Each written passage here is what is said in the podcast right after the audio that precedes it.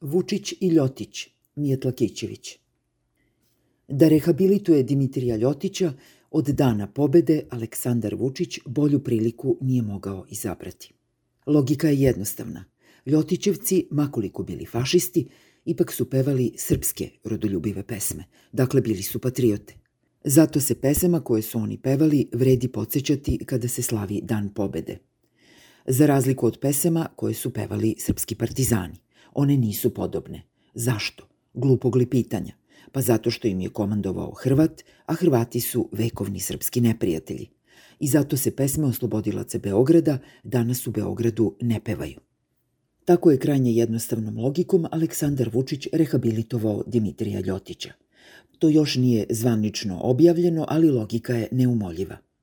Ova jednostavna logika bila je međutim nedostupna istoričaru Dejanu Ristiću, jer tu pesmu koju su srpski fašisti pevali napisao je srpski pesnik Momčilo Nastasijević mnogo pre nego što su se Ljotićevci i rodili, objasnio je suvereno Ristić. Nije se zapitao doktor istorije zašto je Dimitrije Ljotić od toliko drugih srpskih rodoljubivih pesama odabrao baš Nastasijevićevu a odgovor je lako mogao naći kod čoveka koji je proučavanju srpske poezije posvetio čitav svoj vek. Nastasijević je naime jedan od glavnih junaka filosofije Palanke Radomira Konstantinovića.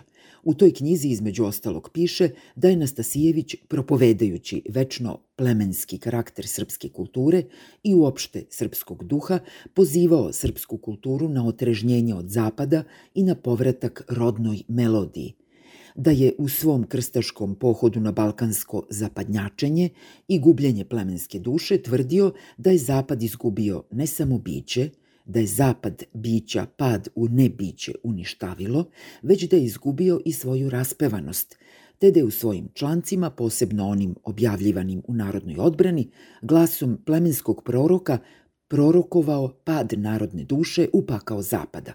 To je zapravo ona najdublja, suštinska i nada sve njegove lična poruka koju je Aleksandar Vučić poslao u svet na dan pobede i dan Evrope.